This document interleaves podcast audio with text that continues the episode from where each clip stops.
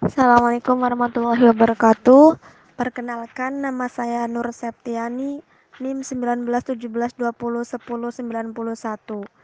Di sini saya akan memaparkan materi mengenai kurva permintaan, kurva penawaran, dan titik equilibrium.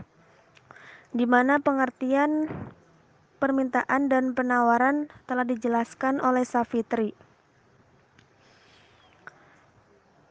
Permintaan adalah berbagai jenis barang atau jasa yang diterima pembeli pada berbagai tingkat harga. Permintaan dipengaruhi oleh beberapa faktor antara lain perubahan harga barang itu sendiri, tingkat pendapatan, selera, jumlah penduduk, perkiraan harga di masa depan, perubahan harga barang substitusi dan komplementer, kondisi alam, dan hari raya keagamaan. Hukum permintaan menjelaskan hubungan antara perubahan harga terhadap jumlah yang diminta.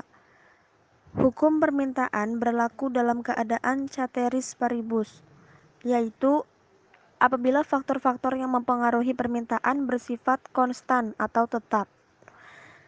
Bunyi hukum permintaan itu sendiri adalah Apabila harga suatu barang dan jasa meningkat, maka jumlah barang yang diminta akan menurun.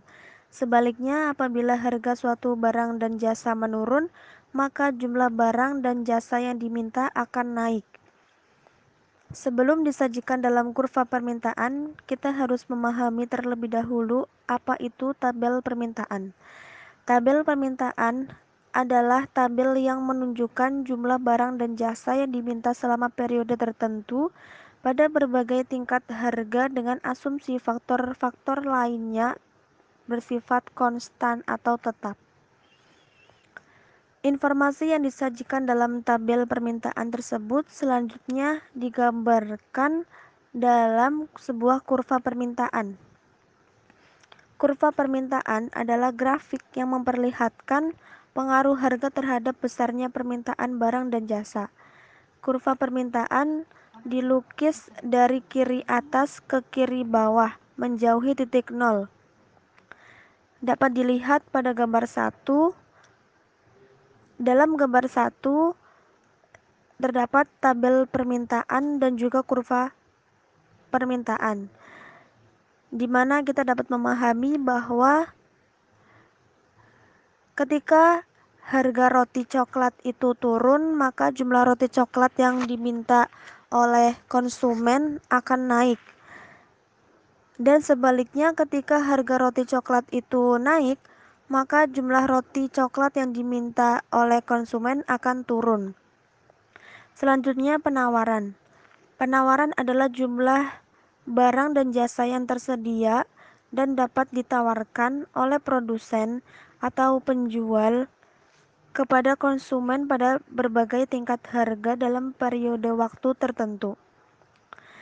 Penawaran dipengaruhi oleh beberapa faktor, yaitu biaya produksi, teknologi yang digunakan, keuntungan yang dicapai, perkiraan harga masa depan, keadaan cuaca, harga barang lain, dan harga barang itu sendiri.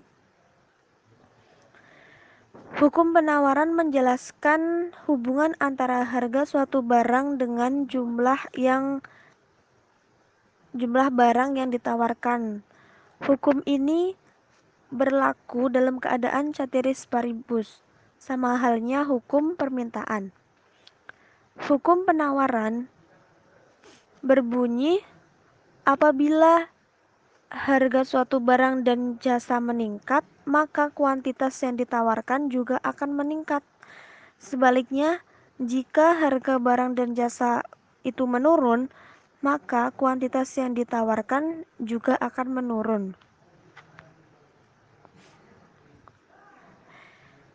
Kurva penawaran adalah garis yang menggambarkan Bagaimana perubahan jumlah barang yang ditawarkan ketika harganya berubah? Kurva penawaran bergerak dari kiri bawah ke kanan atas. Biasa disebut positive slope. Kurva penawaran dilukis mendekati titik nol yang sebelumnya juga dibuat terlebih dahulu tabel penawaran agar kurva mudah dipahami. Kita bisa lihat gambar 2 dalam makalah ada contoh kurva penawaran di mana kita dapat memahami bahwa ketika harga roti coklat itu naik, maka jumlah penawaran roti coklat juga akan naik. Dan ketika harga roti coklat itu turun, maka jumlah penawaran roti coklat itu juga akan turun. Jadi kurva penawaran ini berbanding lurus. Selanjutnya ada titik equilibrium.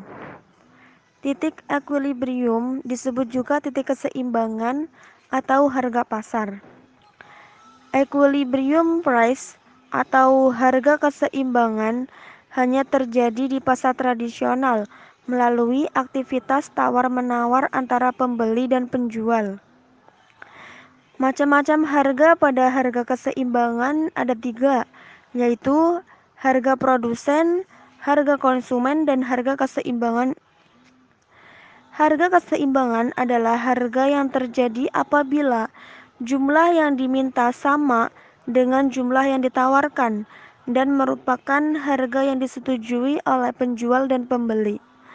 Kita dapat melihatnya pada gambar 3 dalam makalah di mana titik equilibrium itu terdapat di 80 jumlah untuk jumlah keseimbangannya 800 untuk harga keseimbangannya ya sekian yang dapat saya paparkan.